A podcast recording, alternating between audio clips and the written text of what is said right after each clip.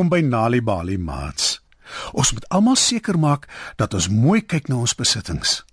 In vanaand se storie Koketso se gunsteling trui, hoor ons wat gebeur as ons dit nie doen nie. Skuif dus nader en spits julle oortjies.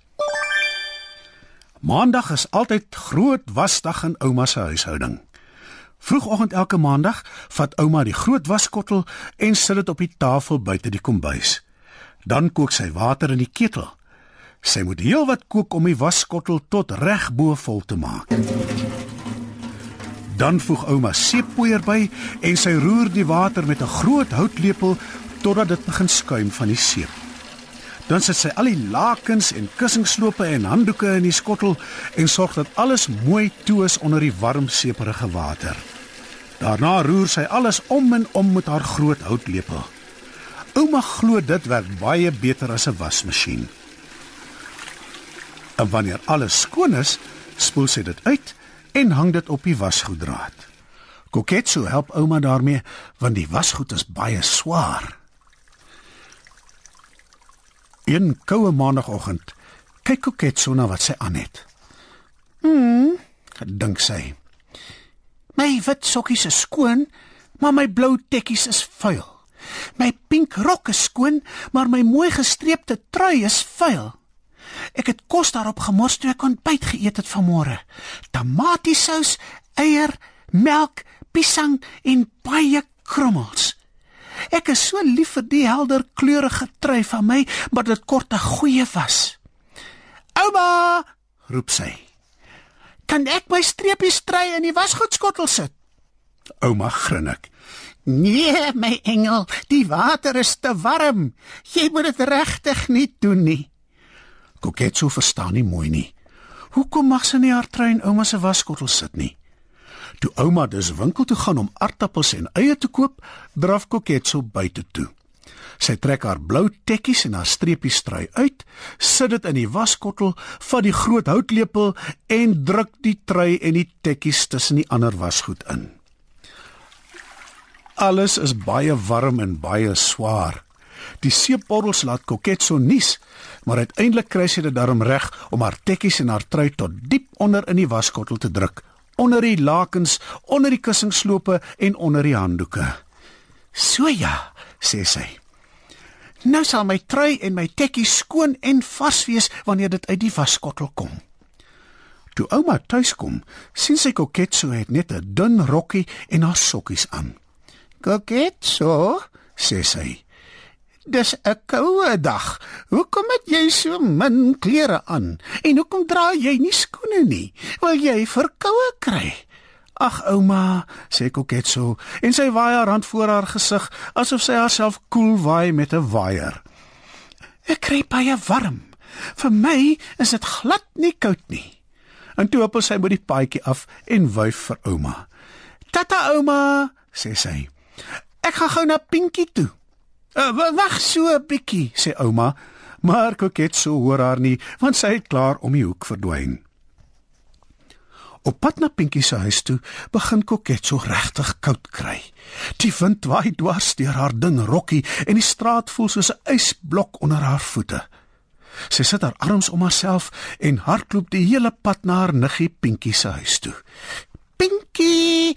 Roep Koketso terwyl sy op en af spring op Pinkie se voorstoep om te probeer warm kry.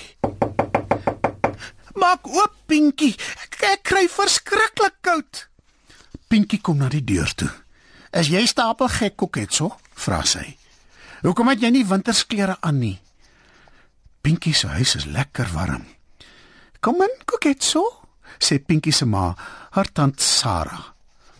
"Jy is net betyds vir lekker vars brood en konfyt." Koketso geniet dit so by Pinkie se huis dat sy skoon vergeet van ouma se wasgoed. Maar toe val dit haar skielik by en sy spring van haar stoel af. "Ag nee," sê sy. "Ek was veronderstel om ouma te help om die wasgoed op te hang. Ek moet dadelik huis toe gaan." "Wel, jy kan nie so gaan nie," sê tant Sarah. "Trek ten minste die aan." En sy gee vir Koketso 'n groot bruin trui wat tot op haar knieë hang en 'n paar ou pantoffels.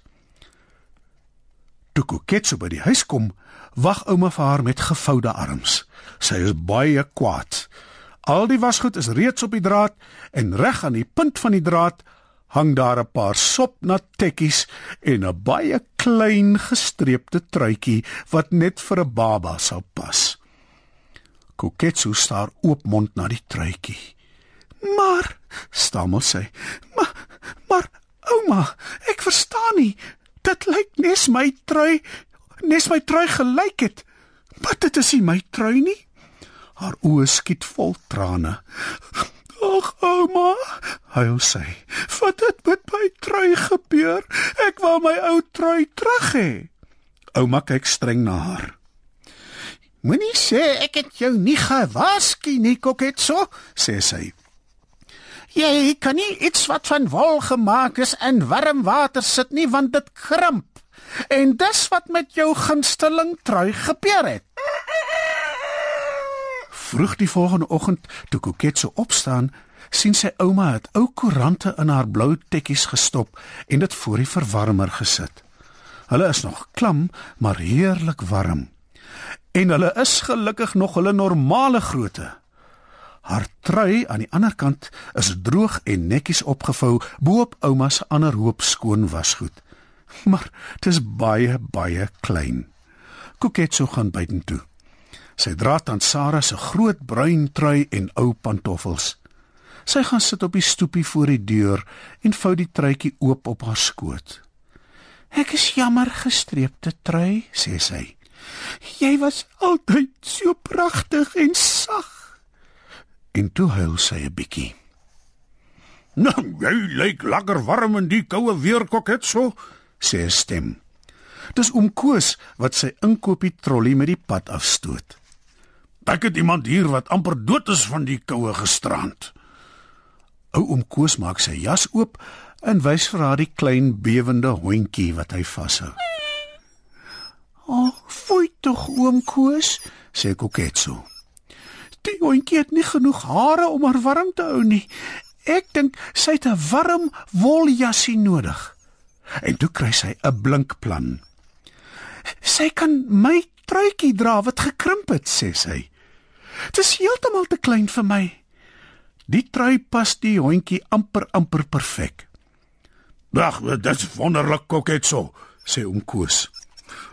Oh, en kyk net hoe bly is die hondjie oor haar truitjie. Ek gaan haar na jou vernoem. Van nou af is haar naam Ketso. Koketso lag. Ketso, sê sy. Ek dink dit is 'n oulike naam vir 'n hond. Die hondjie wrimmel en lek oom Koos aan die neus. Lyk my sy hou ook van haar naam, sê oom Koos. En sy is gaande oor haar helder gestreepte woljassie. Kom kom ket so my hondjie, kom ek en jy gaan soek ontbyt. Oom Koos wyf vir Koketso terwyl hy met die straat afloop. Goeie plan, sê Koketso en sy gaan in die huis in om ouma te soek om vir haar ook ontbyt te gee. Vanaand se storie, Koketsu se gunsteling trui, is geskryf deur Patricia de Villiers. Het jy geweet deur vir kinders tuistories te vertel en te lees, help jy hulle om beter leerders op skool te word? Vir meer stories om vir kinders voor te lees of vir kinders om self te lees, besoek ons by www.nalibali.mobi op jou selfoon. Daar sal jy heelwat stories in verskeie tale absoluut gratis kry. Jy sal ook wenke kry oor hoe om stories vir kinders te lees en met hulle te deel sodat hulle hulle volle potensiaal kan ontwikkel. Story Power. Bring dit huis toe.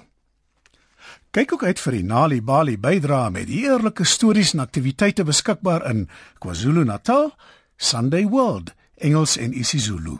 Gauteng, Sunday World, Engels en isiZulu. Vrystaat, Sunday World, Engels en Sesotho. Weskaap, Sunday Times Express, Engels en isiXhosa. Ooskaap, The Daily Dispatch Dinsdae en The Herald Donderdae, Engels en isiXhosa. Nali Bali is ook op Facebook.